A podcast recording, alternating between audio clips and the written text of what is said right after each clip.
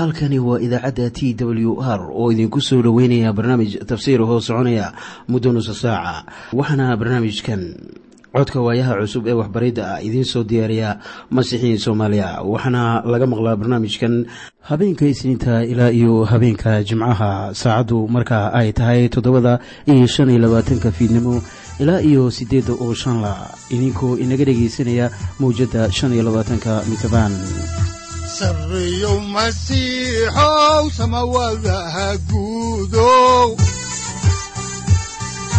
Siraadkii adduunkow subanaha eebow. Sareyow masiixow samawadaha guudow.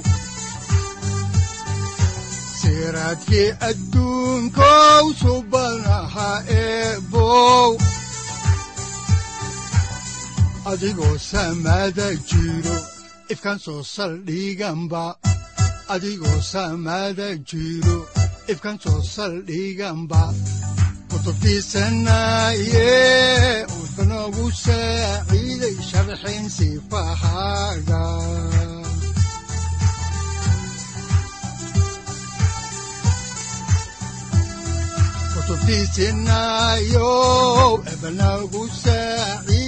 sharxin sifahaaga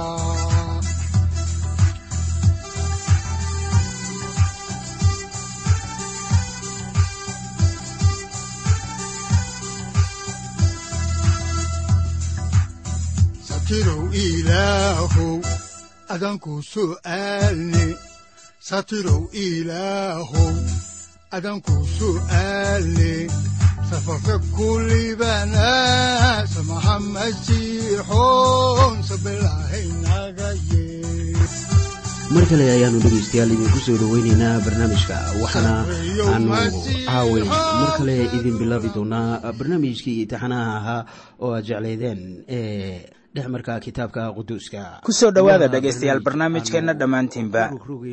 waxaannu horay u sii ambaqaadi doonnaa daraasaadkii aynu ka soo xiganaynay kitaabka bilowgii ee loogu magacdaray baibalka dhammaantii. Waxaannu sii wadi doonnaa cutubka sagaalaad.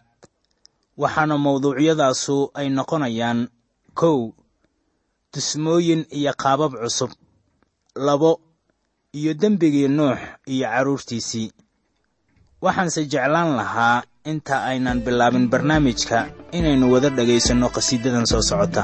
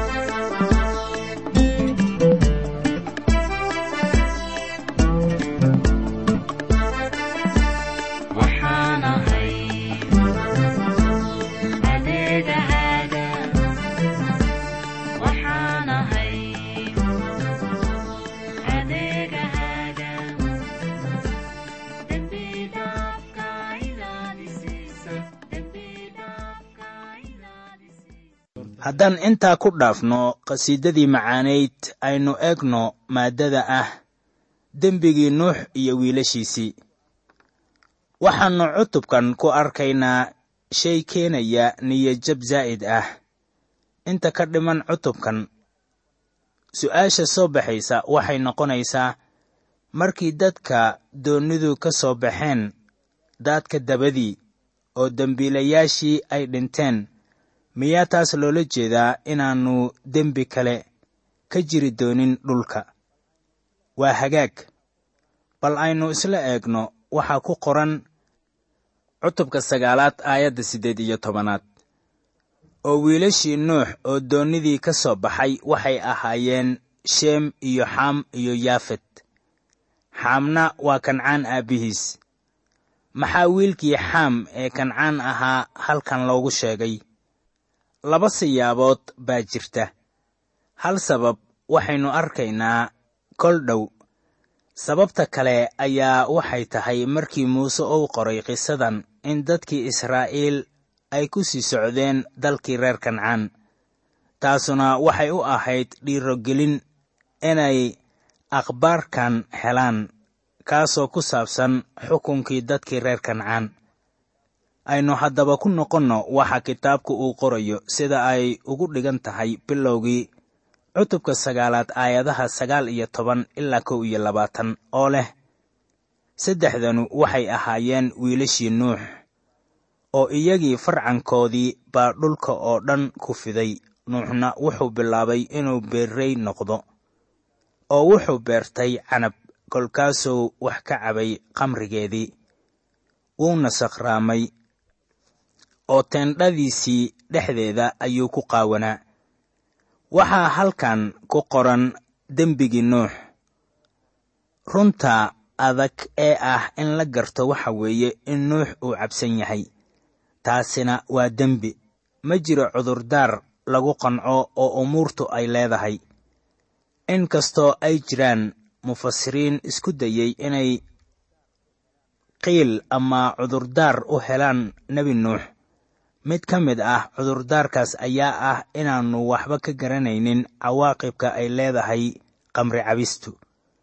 Maadaama uusan jirin qof horay u cabay waxaad ogaanaysaa ka hor daadkii inaan qamri cabista loo sheegin sida inay tahay dembi. Waxaa kaloo jira kuwo rumaysan falsafadda ku caanbaxday canopy theory waxaa jira waxyaabo badan oo aanan u helin wakhti inaan idin sheego. Masaalkan waxaa lagu leeyahay wakhtigii ka horreeyey daadka. Waxaa dunida guudkeeda ku dahaarnaa baraf ilayska qorraxduna uu iftiimayey waxaanay noqotay in canabku uusan qamiiri jirin wakhtigii ka horreeyey daadka. Taasuna way ku cusbayd nuux daadkii dabadii haddaba waxaan odhan karaa oo keliya waxa haatan taagan waxay ahaayeen wax cusub oo dhex yaal duni cusub. Laakiin wuxuu ahaa dembi hore oo meesha yiilay haddaba shilkan dhacay ayaa muujinaya xaalkan. Waxaana loo helay su'aashii weyneyd jawaab sidaan ku arkayno cutubka sagaalaad aayadaha laba iyo labaatan ilaa afar iyo labaatan. Waxaana qoran sida tan oo xaam oo ahaa kancaan aabbihiis ayaa arkay qaawanaantii aabbihiis kolkaasuu u sheegay labadii walaalihiis ahayd oo dibadda joogta.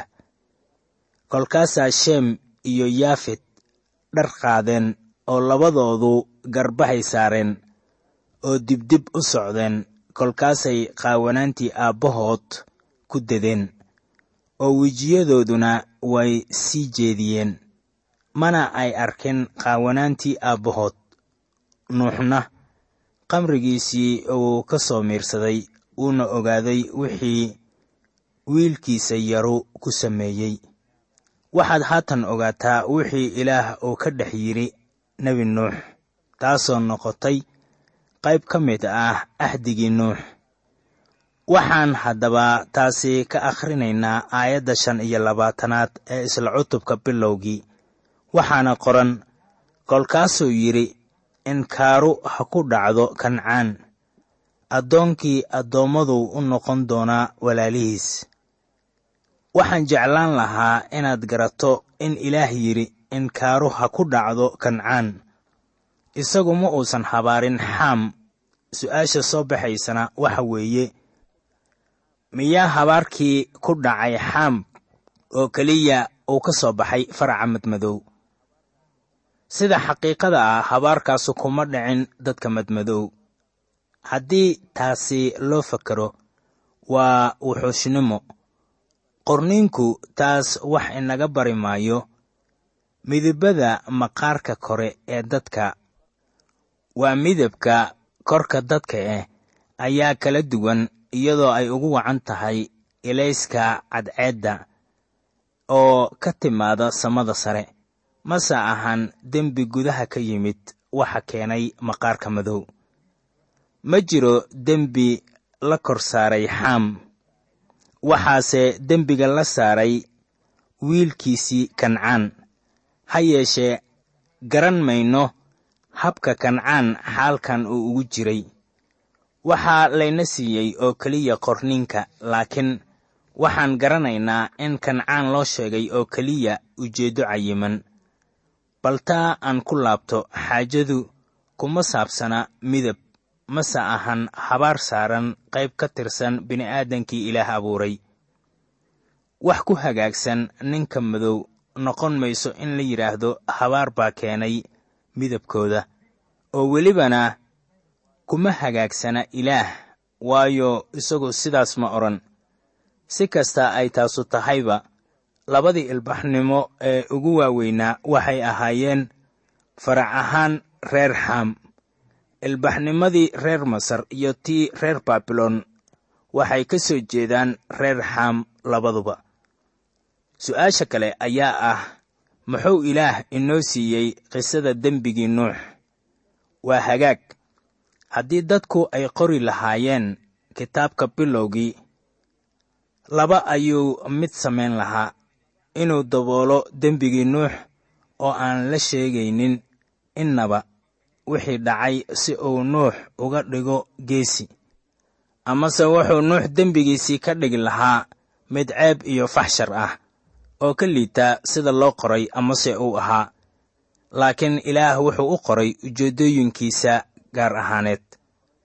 Marka ugu horraysa sidaan horayba u soo sheegay waxay ahayd in la dhiiro geliyo carruurtii israa'iil oo gelaysa dhulkii kancaan wakhtigii muuse.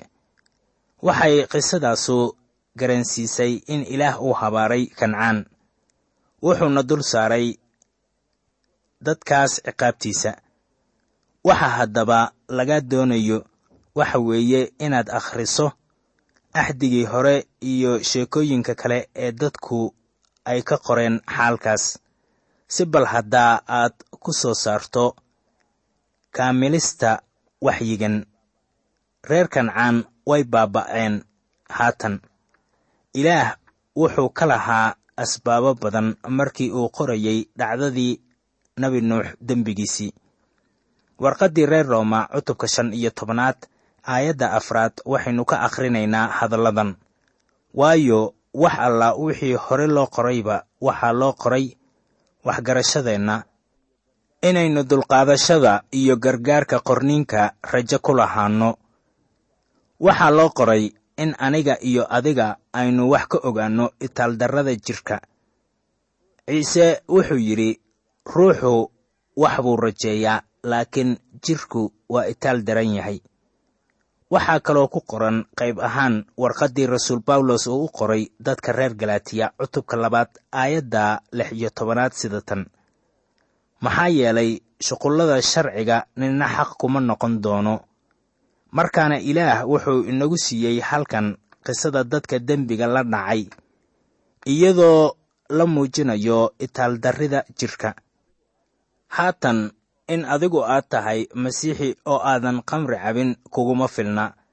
Laakiin waxaan leeyahay aniga iyo adiguba waxaan ku noolnahay ama ina haysata.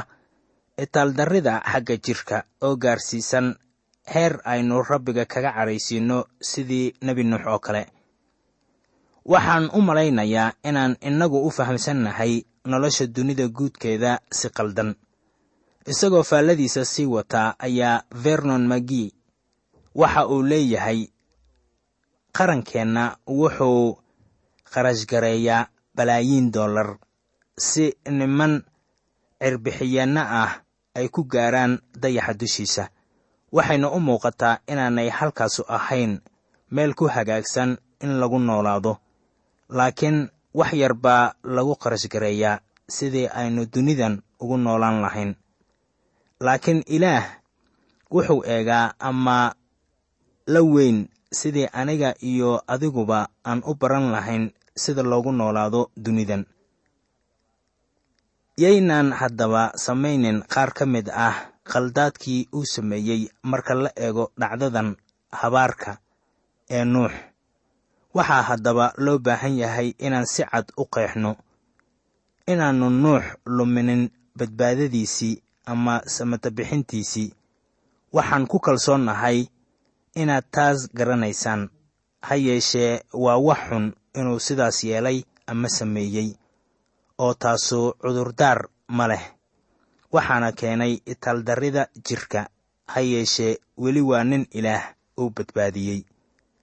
Haatanna aynu dib ugu noqonno cutubka sagaalaad aayadaha lix iyo labaatan ilaa toddoba iyo labaatan oo leh oo wuxuu yidhi ammaanuha u ahaato rabbiga ah ilaaha sheem kancaanna addoon ha u noqdo ilaa ha fidiyo yaafet hana dego tendhooyinka sheem kancaanna addoon ha u noqdo isaga. Sidaan horayba u soo sheegnay markii muuse oo la siiyey muujintii ilaah wuxuu dadka israa'iil ku hoggaaminayey dalkii kancaan. Israa'iilna waxay ahaayeen faracii sheem waxaan haatan eegaynaa cutubka sagaalaad aayadihiisa siddeed iyo labaatan ilaa sagaal iyo labaatan ee kitaabka bilowgii waxaana qoran sida tan.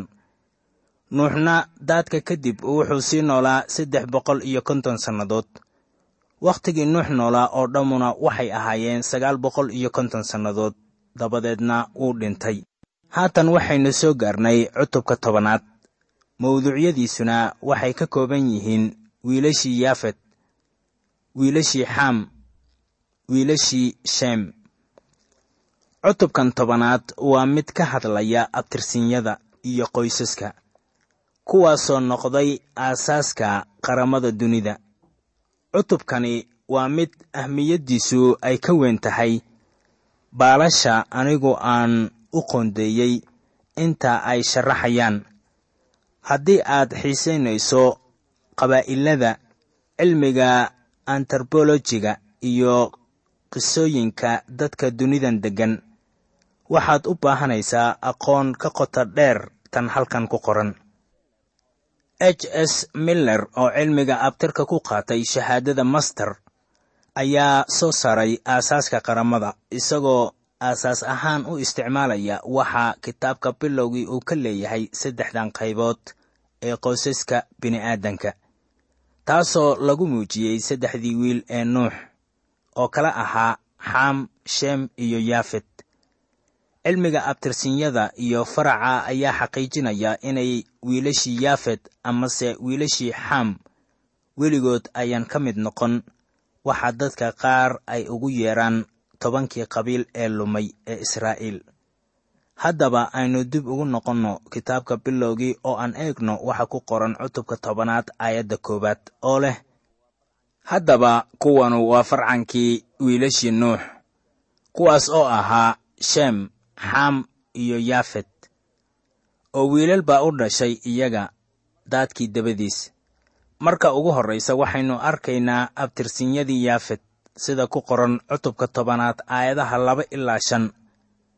Dabeetana abtirsinyadii xaam baa ku xigta sida ku qoran cutubka tobanaad aayadaha lix ilaa labaatan.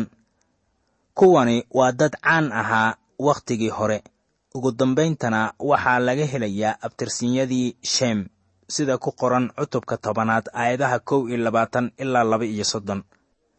Iminkana waxaynu eegaynaa wiilashii yaafet.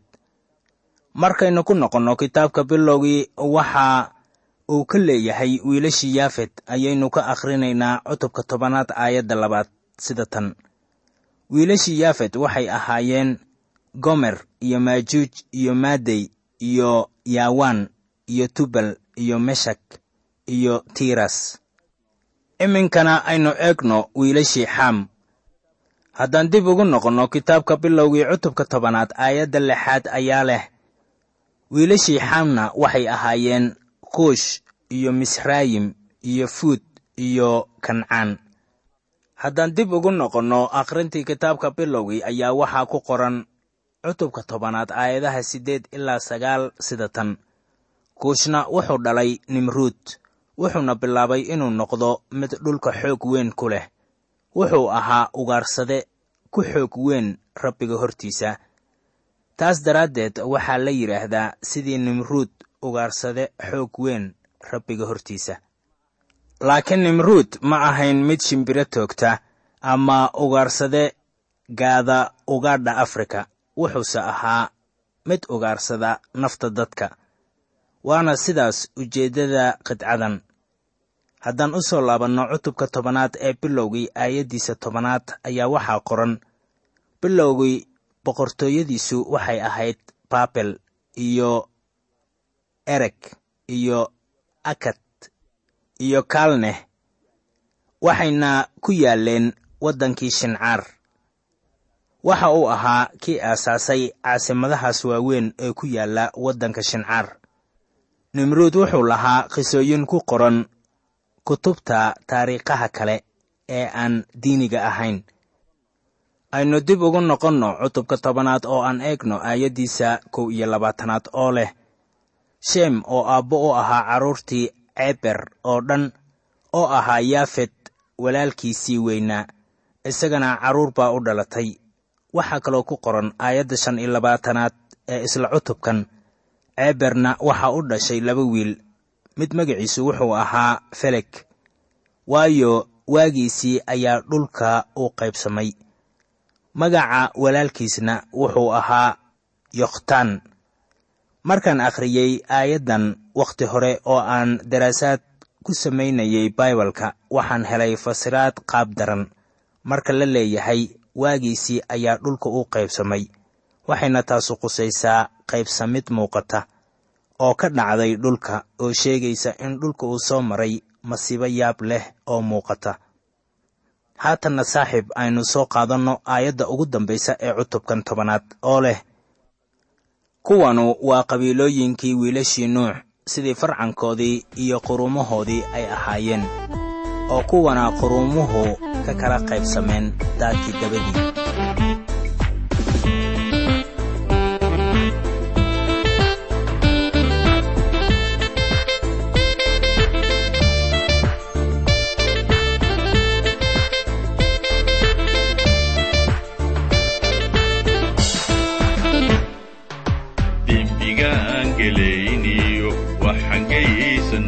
idin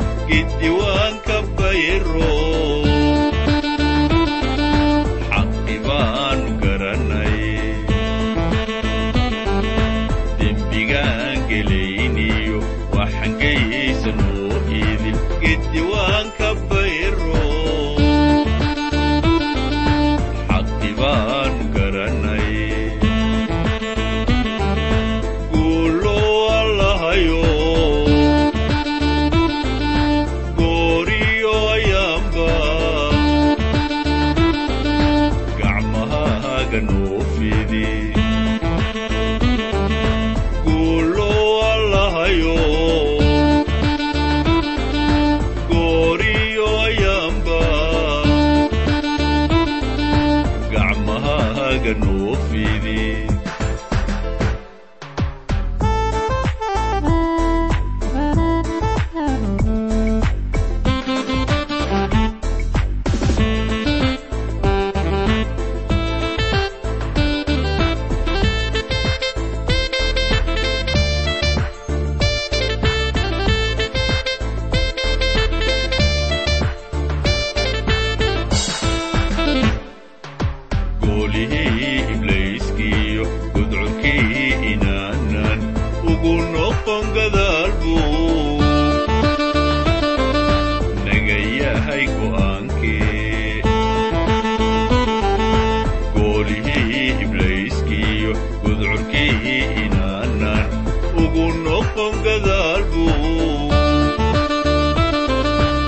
naga yahay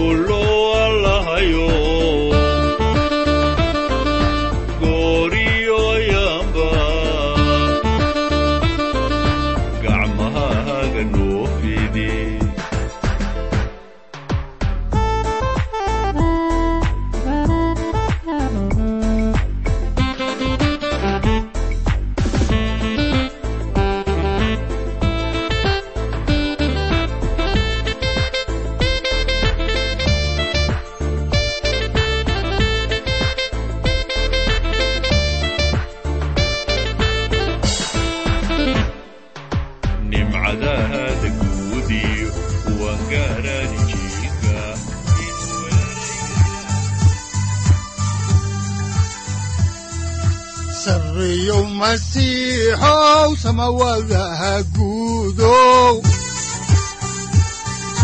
siraadkii adduunkow subanaha eebow sarreeyow masiixow samawadaha guudow siraadkii adduunkow subanaha eebow adigoo samada jiro ifkaan soo saldhiganba adigoo samada jiro ifkaan soo saldhiganba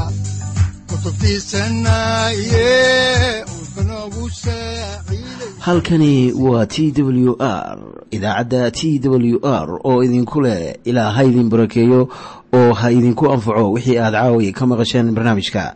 Waxaa barnaamijkan oo kalea aad ka maqli doontaan habeen dambe hadahan oo kale haddiise aad doonaysaan in aad fikirkiina ka dhiibataan wixii aad caawi maqasheen ayaad nagala soo xiriiri kartaan som t w r at t w r c o k e waxaad kaloo iimailada inoogu soo diri kartaan dhegaystayaal cinwaanka yahu-ga oo ah somali t w r at yahu com aaduu u fududyahayaa somali t w r at yahu com.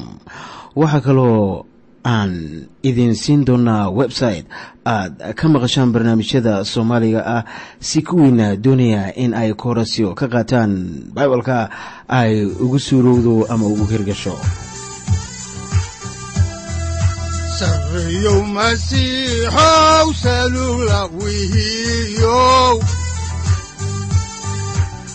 saacadda timid dhulka sabada ku dhalatiyo